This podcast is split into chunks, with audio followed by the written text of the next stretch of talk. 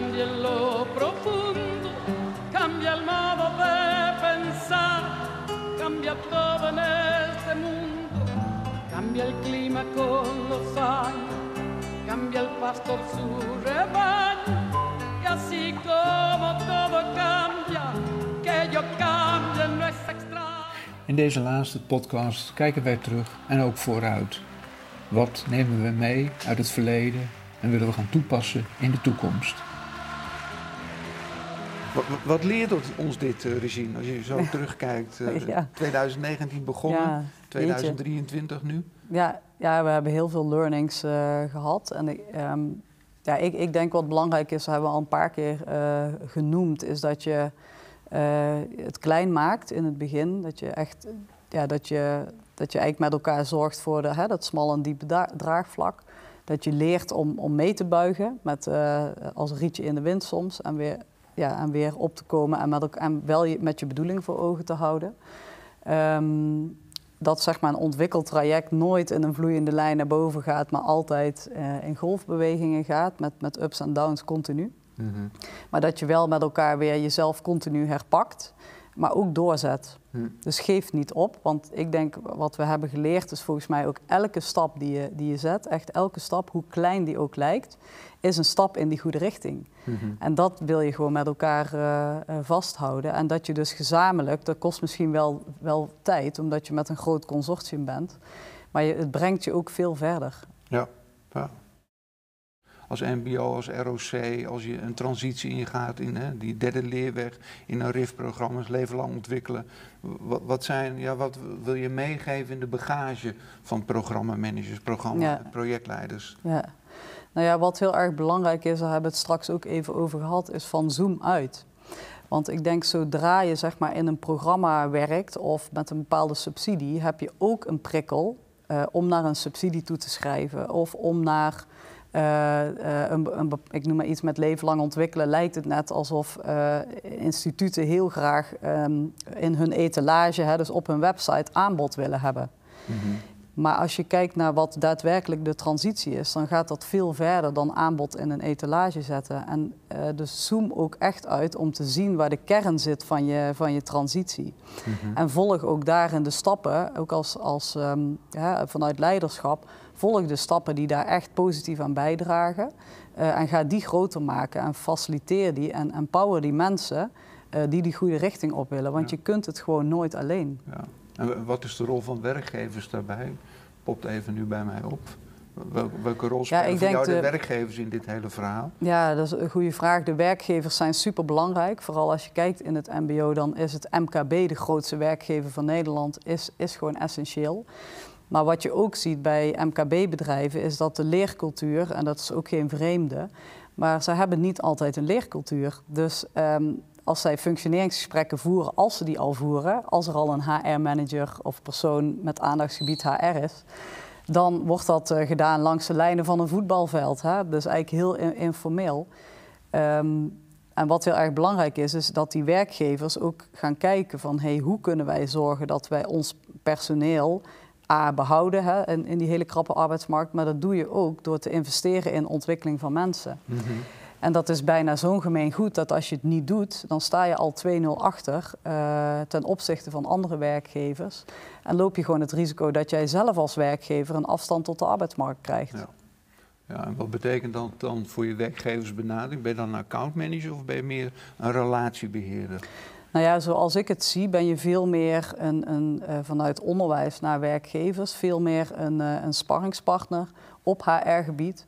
Van hoe kun je nou zo'n leercultuur bijvoorbeeld creëren? Hoe zorg je dan dus naast zeg maar, alle vaktechnische zaken of de skills, um, hè, waar je natuurlijk op, uh, op bij kan scholen. Maar is zeg maar, het gesprek met zo'n werkgever van hoe, hoe pak je dat aan? Wat zijn de issues? Hoe kan onderwijs je daar eventueel bij helpen? Uh, of een andere partij die daarin kan, uh, kan ondersteunen. Dat is gewoon heel erg belangrijk.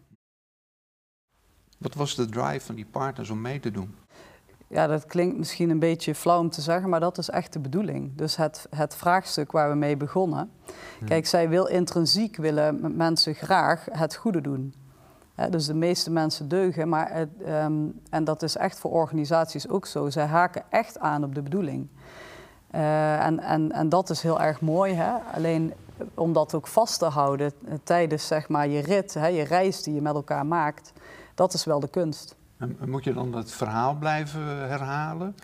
Waarvoor moet je dat doen om dat te onderhouden? Ja, nou ja, je, uh, het verhaal blijven herhalen. Ook met elkaar kijken van, hé, hey, uh, stel dat er ooit wrijving is of hè, er gebeuren al dingen in samenwerking. Om met elkaar dat gesprek te voeren, maar wel continu de bedoeling ook uh, weer te adresseren. En inderdaad dus daarmee het verhaal. Ja. Dat is gewoon dus essentieel. omgeving scherp houden, jezelf ja. ook. Ja. ja. Dus ja. beluisteren inderdaad aan de hand van de bakens die je schetst van buiten naar binnen, het vraagstuk centraal, de werkgever heel belangrijk. Groot denken, klein beginnen, bouw van onderop. Ja. En je successen vieren, zeg je ook. Zeker. Ja, ja. Ja. En dat aan de hand van een zevental bakens. Hoe, hoe, hoe, ben je aan die bakens gekomen, nou, heel even één ding aan de aanleiding van die vraag um, die we binnenkregen. Het, het, hè, want dit is de visie, maar je hebt natuurlijk zoveel werkgevers die enorm gave dingen doen. Hè. Dus ik herinner me nog de eerste diploma-uitreiking als een soort uh, mijlpaal in dit programma dan in ieder geval. En daar waren echt heel veel werkgevers bij die allerlei, nou ja, uh, er was ook een werkgever die had echt een mega lijst bij van een foto van, van uh, hun werknemer, die dus, die dus ook een leerwerktraject had gevolgd bij de 800. Ja, en ik denk, um, een werkgever kan daarmee dus heel erg veel perspectief bieden. Mm -hmm. uh, en, en dat was ook bijvoorbeeld voor, uh, voor de werkgevers die hier aan meedoen. Die, die doen dat echt vanuit een sociale bedoeling. Ja. En dat, dat is drive ja, een intrinsieke drive. En dat is gewoon heel mooi. Ja, en daar sluit je op aan bij zo'n werkgever. Ja. Ga in gesprek en kijk wat je voor elkaar kan betekenen. Ja. Zijn mensen onder MBO 2 wel actief bezig met ontwikkeling?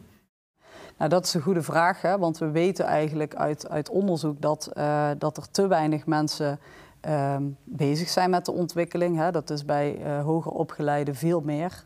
Het percentage ligt daar veel hoger, hè? het uh, percentage mensen die deelneemt aan scholing.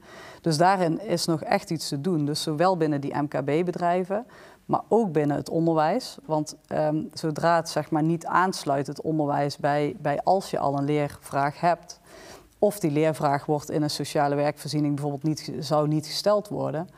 Uh, dus je moet ook uitgenodigd worden om, uh, uh, om die vraag te mogen beantwoorden. Nou, dat is weer buiten je eigen domein gaat denken, ja. de crossen over het vraagstuk ja, centraal. Ja, en ja. ik denk dan helpt een regeling als stap natuurlijk niet mee, want dat nee. maakt het onnodig ingewikkeld. Ja. Als je kijkt naar bijvoorbeeld laaggeletterden um, en je moet al met drie schermen inloggen en mensen hebben geen digitale vaardigheden of onvoldoende, uh, ja, zij komen nooit bij deze voorzieningen. Het is veel ja. en veel, veel te complex gemaakt. Ja, dus voor die kwetsbare doelgroepen in de Brainport... Het moet veel simpeler en veel toegankelijker. Ja, ja. ja. en dat is het nu niet. Nee, zeker niet. Nee. nee. En als ik dan in Brabant kijk wat, wat wel werkt... Hè, even dus buiten deze PPS zijn we bezig uh, um, in Noord-Brabant met Brabant Leert. Daar zit een scholingsfonds achter... Ja, en dat zijn initiatieven die je, die ziet, die werken. Want mensen hoeven niet uh, de check te doen op verliggende voorzieningen. Ze hoeven niet uh, op moeilijke tijden in te loggen. Uh, ook nog acht uur ingelogd blijven, om, om maar even iets te zeggen. En, en dat maakt zeg maar, dat dat onderdelen zijn van je infrastructuur voor leven lang ontwikkelen. Anders dan een stapregeling die wel werken. En mm-hmm. laten we daar dus ook van leren in het kader van transitie en dat steeds groter maken. Maar nou heeft de minister daar een streep doorgezet door de stapregeling. Ja. Dat klopt. En daar is dan Brabant Leert, naar mijn idee, een heel mooi uh, voor in ieder geval in, in Noord-Brabant. Maar in Limburg hebben ze zoiets en in Friesland hebben ze zoiets. Uh, dus, dus laten andere provincies daar ook een voorbeeld aan nemen van hoe dat ook kan. Okay. En dat dat heel goed werkt. Ja. Ik denk onderdeel van je transitie is naast buiten. Hè, want je, een transitie is nooit alleen maar binnen en nooit alleen maar buiten. Dus het interacteert met elkaar. Uh, en deze is natuurlijk heel essentieel, omdat um, uh, ja, zeg maar 90% van je bekostiging, hè, publiek, uh, bestaat uit jonge studenten met BOL of BBL. En um, wat we binnen Summa doen, is, is continu aandacht vragen voor leven lang ontwikkelen. Ook weer daar, hè, de, de, scholen die heel goed bezig zijn en die echt stappen vooruit zetten, geef ze podium, laat ze het verhaal vertellen, laat ze aangeven hoe ze dat doen. Maar ook hier weer continu eh, het verhaal herhalen. Dus zo sta ik uh, overmorgen voor een grote groep van directeuren, college, maar ook teamleiders, om, om weer uh, mee te nemen in het verhaal van leven lang ontwikkelen. En dat het echt veel verder reikt, zeg maar, dat dit de transitie is in het MBO. En dat gepersonaliseerd leren onderdeel is van de transitie um, in het MBO. En wat is daar het belang van in van het MBO? Als je kijkt naar een thuismarkt, jongeren, initieel onderwijs en zeg maar volwassenen. Uh, waarom is het belangrijk dat men ook op dat andere, op dat LLO-marktsegment gaat zitten? Nou ja, omdat, uh, omdat je gewoon even simpelweg, er komen minder jongeren. Mm -hmm. um, mensen leven langer. Hè. De pensioengerechtigde leeftijd wordt al steeds meer uh, ook opgeschoven. En, en daar zit eigenlijk, als je, van, als je de, de hele linie bekijkt, daar zit eigenlijk het gros van de mensen die moet leren. En daarnaast, uh, ja, de omgeving, dat zien we allemaal, het verandert zo ontzettend snel. Uh, neem chat GTP als voorbeeld. Ja, dat, dat, dat zet je, je hele onderwijs kan dat op zijn kop zetten, tenminste voor een deel. Mm -hmm. uh, in ieder geval bij het voortgezet onderwijs. Hè. Dus een diploma halen HAVO, dat, dat is dikke vink 8,3 zag ik van de week op LinkedIn. Ja. Ja, dus dat zijn dingen die um, ook wel wellicht vervangbaar zijn. Dus uh, een MBO heeft heel erg de, de, de rol, of überhaupt het onderwijs heeft de rol om te zorgen dat mensen bij kunnen blijven bij al die veranderingen ja. in, in, de, in de maatschappij. En dan moest het MBO zelf ook in veranderen. Ja, want ik denk ja. als, als alles verandert, dan moet je ook ja. naar jezelf kijken. En hoe verander je dan zelf als instituut ook? Ja. Dat is een mooi nummer van Mercedes Sosa, Toda Gambia. Als alles verandert, moet ook jij veranderen. Ja, prachtig. Ja, is echt prachtig die tekst. En helemaal waar. Helemaal waar. Ja. Dit was alweer onze laatste podcast, De Kunst van het Veranderen.